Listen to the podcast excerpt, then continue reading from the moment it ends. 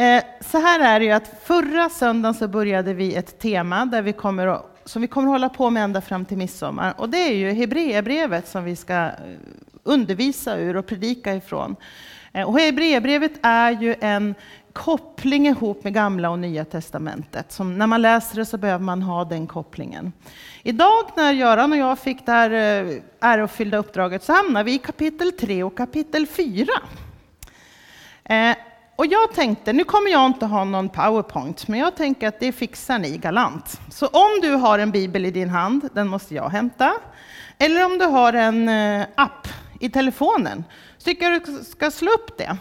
Vi tar lite tid. Slå upp i, i bibelappen, för det är mycket lättare när man har texten framför sig. Och då vill jag att ni slår upp Hebreerbrevet kapitel 3.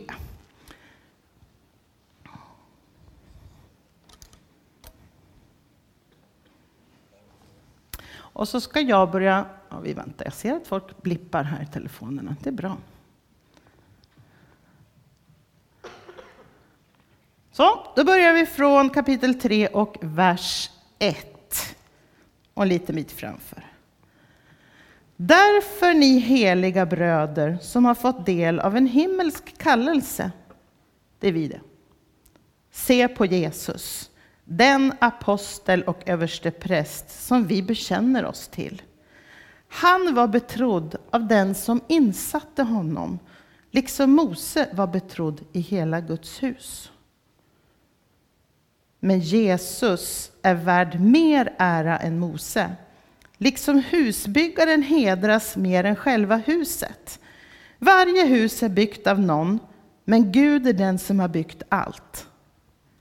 Mose var betrodd i hela Guds hus som en tjänare för att vittna om det som sen skulle förkunnas.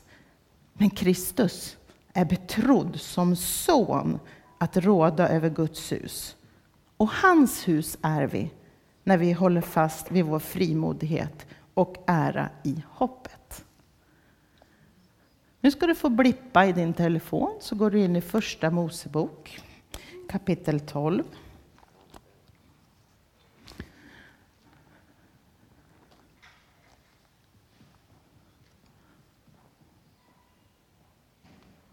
Och vers 6.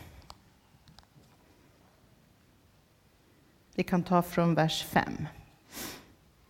Kan vi ta. Och då står det så här. Nu kopplingen mot Gamla Testamentet, det har ni redan fattat. Då steg Herren ner, från vers 5. Då steg Herren ner i en molnpelare och ställde sig vid ingången till, till tältet. Han kallade på Aron och Miriam och de gick båda dit och han sa. För fjärde Mosebok, vad sa jag? Ja, men jag sa ju helt fel. Vi, vi, bläddrar, vi blippar om då. Då tar vi fjärde Mosebok så vi är på samma ställe.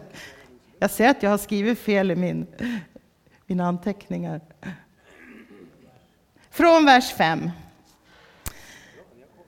Då steg Herren ner i en molnpelare och ställde sig vid ingången till tältet. Han kallade på Aron och Miriam och de gick båda dit. Och han sa, hör nu mina ord. Om det finns en Herrens profet ibland er, ger jag mig till känna för honom i en syn och talar med honom i en dröm. Men så gör jag inte med min tjänare Mose. I hela mitt hus är han betrodd. Jag talar med honom ansikte mot ansikte, tydligt och inte i gåtor. Och han får se Herrens gestalt. Vi kan stanna där. Här ser vi att Mose var betrodd av Gud. Så mycket, så betrodd att Gud talade ansikte mot ansikte med honom. Det var ingen annan han gjorde det med, utan då talade han genom en profet. Så talade han till folket. Men Mose hade han utvalt. Han var betrodd av honom. Mose fick se Guds gestalt. Vi vet hur, hur eld, brinnande busken har vi hört talas om. den har vi läst om. Där vet vi. Vi vet också att han får se ryggen av Gud själv. För ansiktet klarade han inte av. Men han får se gestalten av Gud. Så betrodd var Mose. Men så säger Gud så här, tillbaks nu till Hebreerbrevet, så säger han ju, han, Jesus är mer värd än Mose.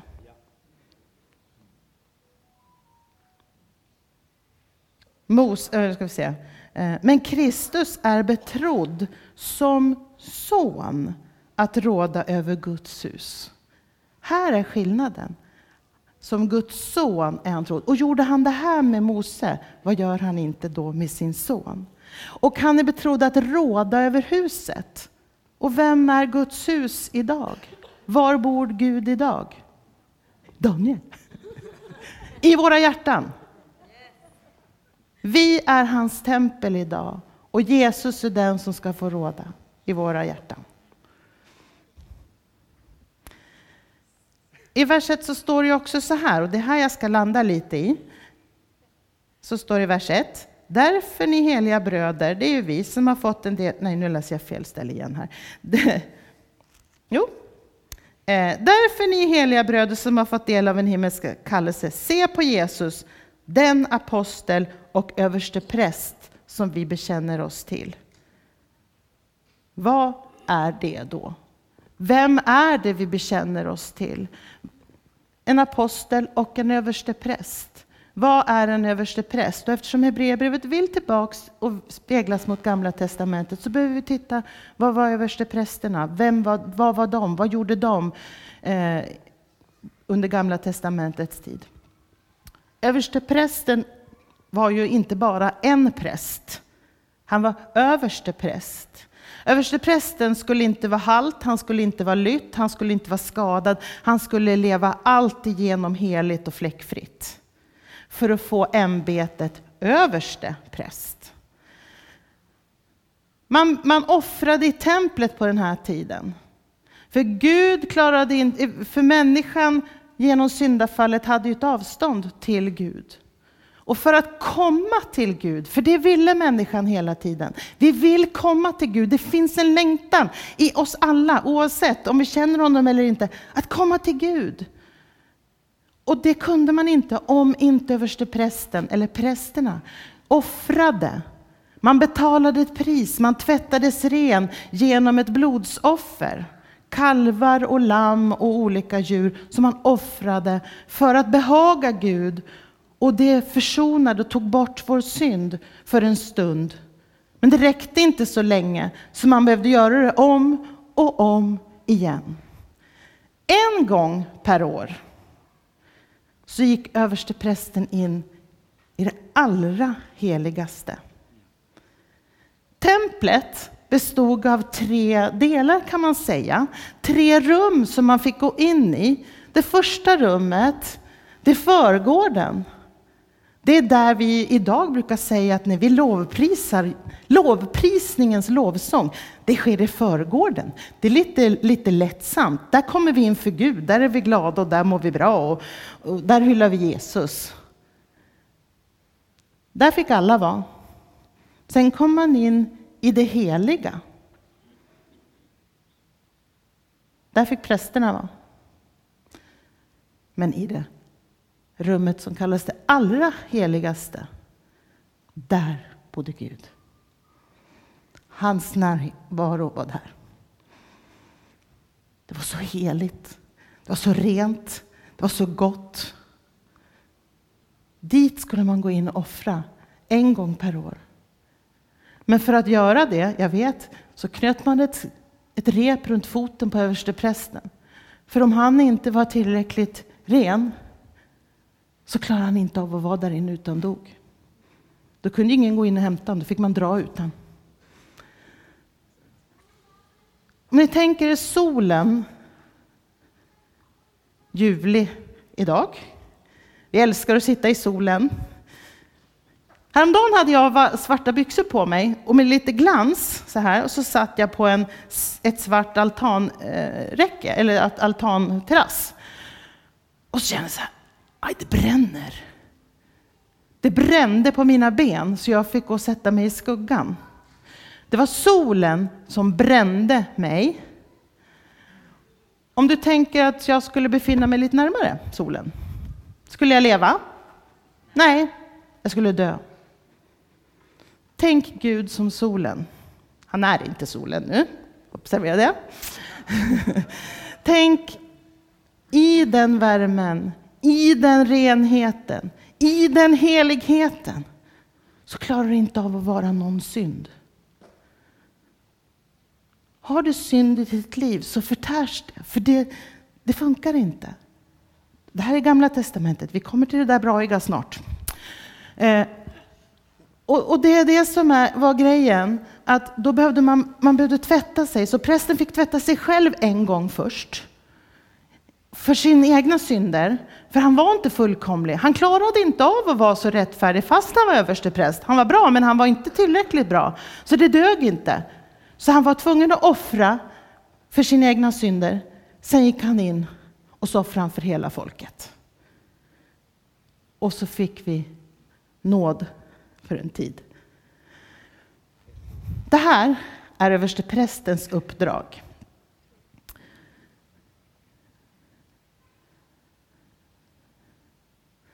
Det som var skillnaden var att det här blodet som offrades, det gjorde bara verkan här, på utsidan.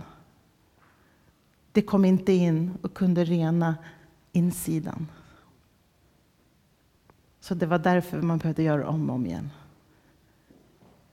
Sen kom han. Sen kom han. Jesus. Han är vår överste präst, säger Bibeln. Det var det vi läste. Han var vår apostel och han var vår överste präst. Så kommer han. Han är helt perfekt. Det står så här i Kolosserbrevet. Nej, vi ska ta det. Han var frestad, jag ska läsa. Han var frestad i allt, men utan synd. Han har gått igenom allt. Han vet allt. Hur vi kan kämpa med våra tankar och, och frestelser och dragningar och misslyckanden. Han har varit med om allt. Men han föll inte som de förra översteprästerna gjorde. Han har varit frestad fast han är utan synd. Han har han har ju då den positionen. Han blev ju då översteprästen som inte var halt och lytt och som inte hade gjort någon synd. Alltså så var ju han helt ren. Helt ren. Då behövde inte han offra för sig själv, utan han kan gå in. Men vet ni, han gick inte in i det allra heligaste. Han gick upp till himlen. Och där betalade han sitt pris. Han offrade sitt eget liv. Han, som också kallas Guds lamm, offrade ju med sitt eget blod. Han var lammet som blev slaktat där uppe som överste präst. Vilket gör att nu har han betalat försoningen. Han har betalat så det är inte bara att våra yttre försvinner, utan här inne. Här har vi frälsningen. Det är det här vi pratar om när vi pratar om du behöver ta emot Jesus och låta honom bli Herre i ditt liv. Du behöver bli frälst. Det är det här som händer då. Att du blir fri ifrån allt som tynger dig. Du blir fri från avståndet mellan dig och Gud. Du behöver inte anstränga dig mer när du har tagit emot Jesus. Vi behöver inte anstränga oss mer. Vi får bara komma in, inför Gud. Och allt är fullbordat, allt är klart. Visst är det fantastiskt? Vi läser, nu får ni appa på här igen då. Första Kolosserbrevet, nej inte första Kolosserbrevet nu ni. Kolosserbrevet, det är bara ett brev. Och så läser vi från kapitel 1 och 13. Så står det så här. Han har frälst oss från mörkrets välde och fört oss in i sin älskade Sons rike. I honom, i Jesus, är vi friköpta och har fått förlåtelsen för våra synder. Han, Jesus, är den osynlige Gudens avbild, först född före allt skapat. För i honom skapades allt i himmelen och på jorden, synligt och osynligt, tronfurstar och herradömen, härskare och makter. Allt är skapat genom honom och till honom. Han är till före allt allt hålls samman genom honom. Han, Jesus, är huvudet för sin kropp som är församlingen. Han är begynnelsen, den förstfödde från de döda, för att han i allt skulle vara den främste.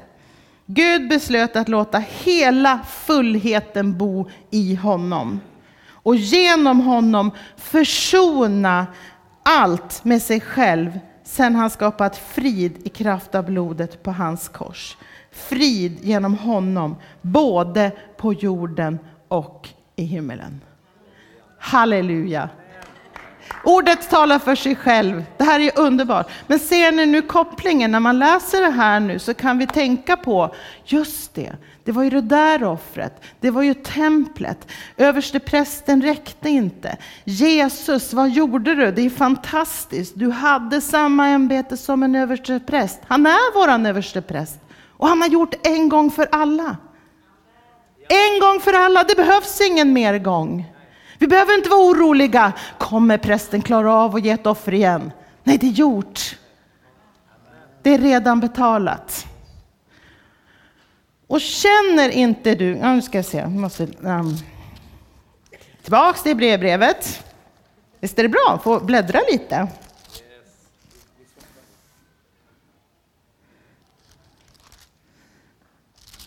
Jag vet att Göran ska predika om det här, den här versen, så jag ska inte säga så mycket för han ska få bre ut den. Vi, vi har inte pratat ihop oss, så kan jag säga. Jag tror att det här blir jättebra, Göran. Vers 4, kapitel 4, vers 14. När vi nu har en så stor överste präst som stigit upp genom himlarna, Jesus Guds son. Låt oss då hålla fast vid vår bekännelse. Vi får aldrig glömma vad Jesus har gjort. Vi håller fast vid bekännelsen att han är vår överste präst. Han är den som har gett mig mening med livet. Det är han som har frälst mig. Det är han som har betalat med sitt eget blod. Eller hur? Vi har inte en, en överste präst som inte kan ha medlidande med våra svagheter, utan en som har varit frestad i allt, liksom vi, fast utan synd. Låt oss därför frimodigt gå fram till nådens tron för att få barmhärtighet och finna nåd till hjälp i rätt tid. Amen. Göran?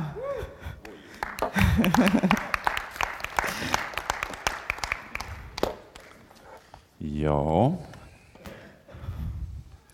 det här känns både svårt och lätt att komma efter. Svårt därför att det, det var så bra.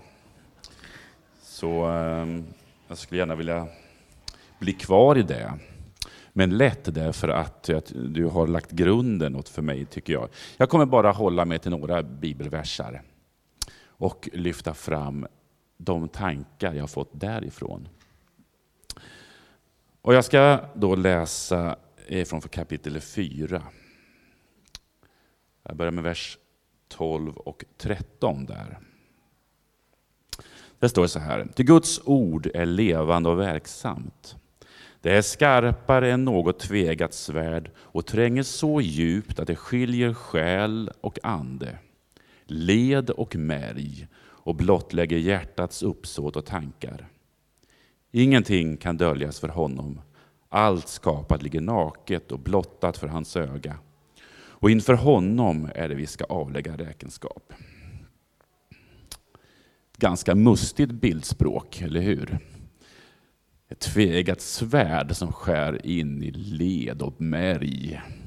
Det ger mig lite associationer till filmen Gladiator och lite sådana här eh, filmer och tv-serier man har sett. Det står att ordet, och det handlar ju dels om, det kan ju både Jesus, men också det vi läser, det som förkunnas för oss. Att det ska blottlägga hjärtats tankar och uppsåt. Jag tänker att det dels handlar om att det hjälper oss att skilja på det vi har i våra hjärtan som verkligen finns där. Eh, som vi på något sätt eh, lever i. Men också det som kanske är mer lagt på ytan. Att vi får liksom korn på det som vi kanske lite oreflekterat ibland har lagt till oss utav kultur, även kristen kultur. Och som vi kanske egentligen inte riktigt vet varför vi tror på.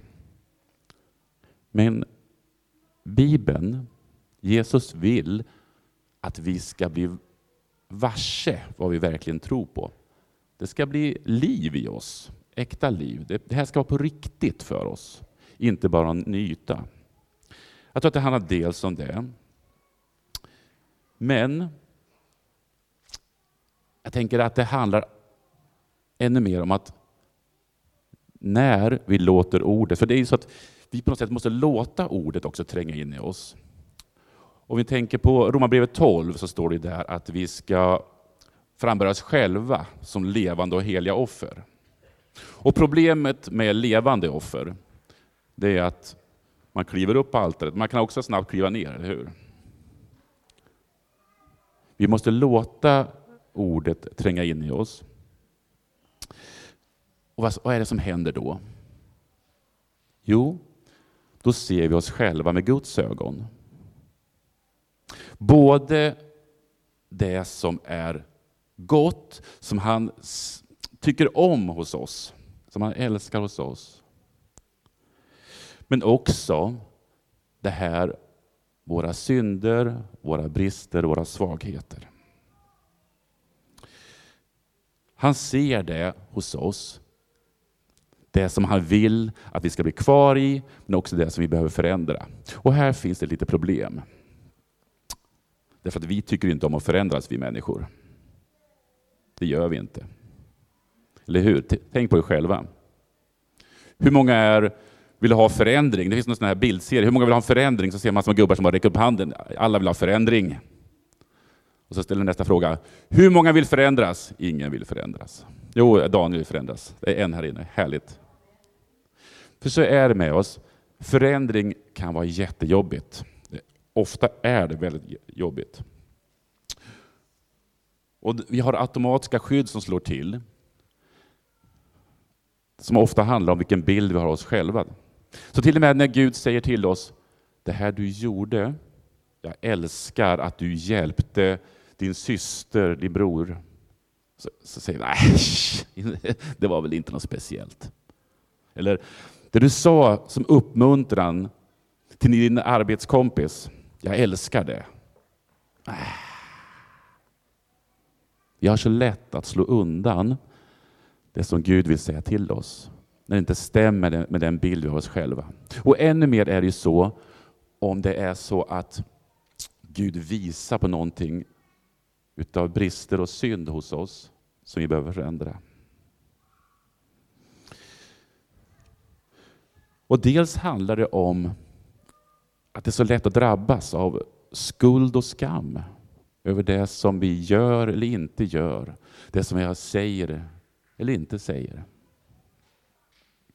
Och de här känslorna, skuld och skam, det är två starka känslor som lätt, väldigt lätt och ofta binder oss. Binder oss kvar i våra felaktigheter. Därför vi orkar orkar inte riktigt se det i oss. Och vi är väldigt duktiga på att dölja det här många gånger för andra, men också för oss själva. Vi är snabba på att dölja det, hitta på ursäkter. Ja, men jag var ju tvungen att eh, göra det här. Därför att eh, ah, jag mådde ju lite dåligt då, eller jag var lite trött. Eller, ja. Vi har så mycket ursäkter. Och ibland så slår det till så automatiskt så vi knappt hinner reflektera över det vi gör. Så. Men här står det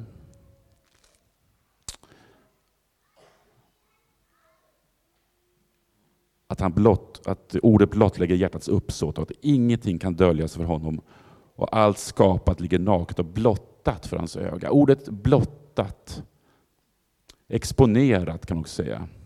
Det är tydligen samma uttryck som användes om en brottare som böjde bak huvudet och blottlade sin motståndares strupe inför det avgörande slaget.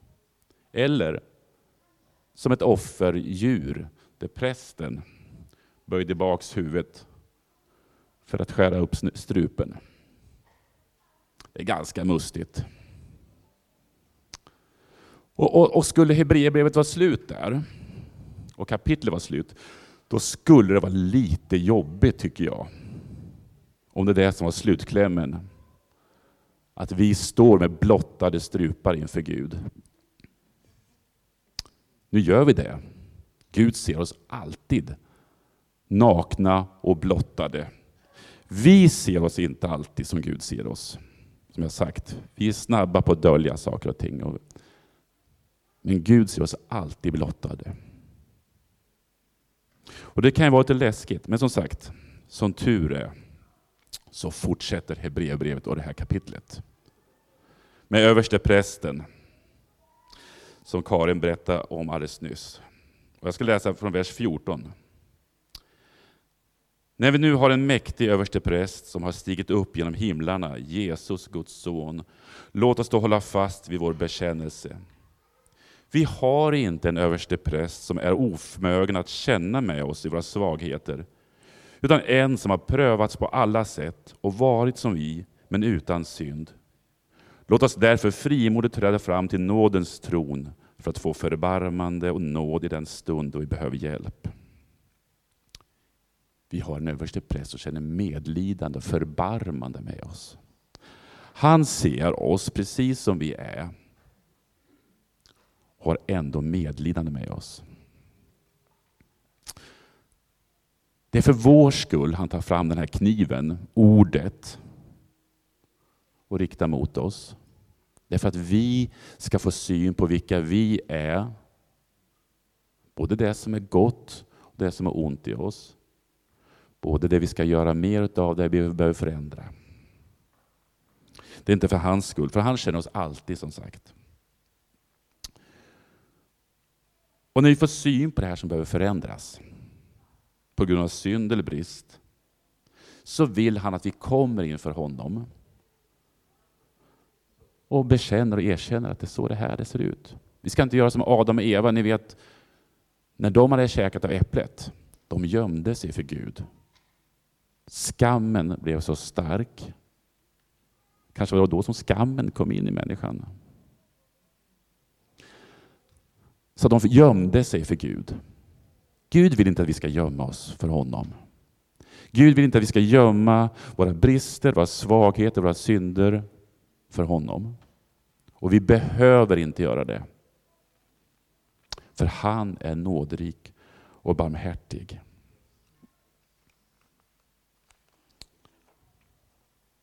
Gud blottlägger vårt inre, inte för att skada oss, utan för att göra oss fria. Fria i honom. Och Det jag tar med mig från den här texten det är att vi behöver inte stå, stå där med skuld och skam inför honom. Eller något annat som binder oss. Dels för att han redan vet det, så det blir lite löjligt att säga det till honom. Nej, nej, nej, nej det är inte jag. Jo då, han vet. Han vet hela tiden. Men han ser med barmhärtighet till oss. Ja. Han är nåd och barmhärtighet och han sitter på nådens tron. Vilket fantastiskt uttryck, eller hur? Amen.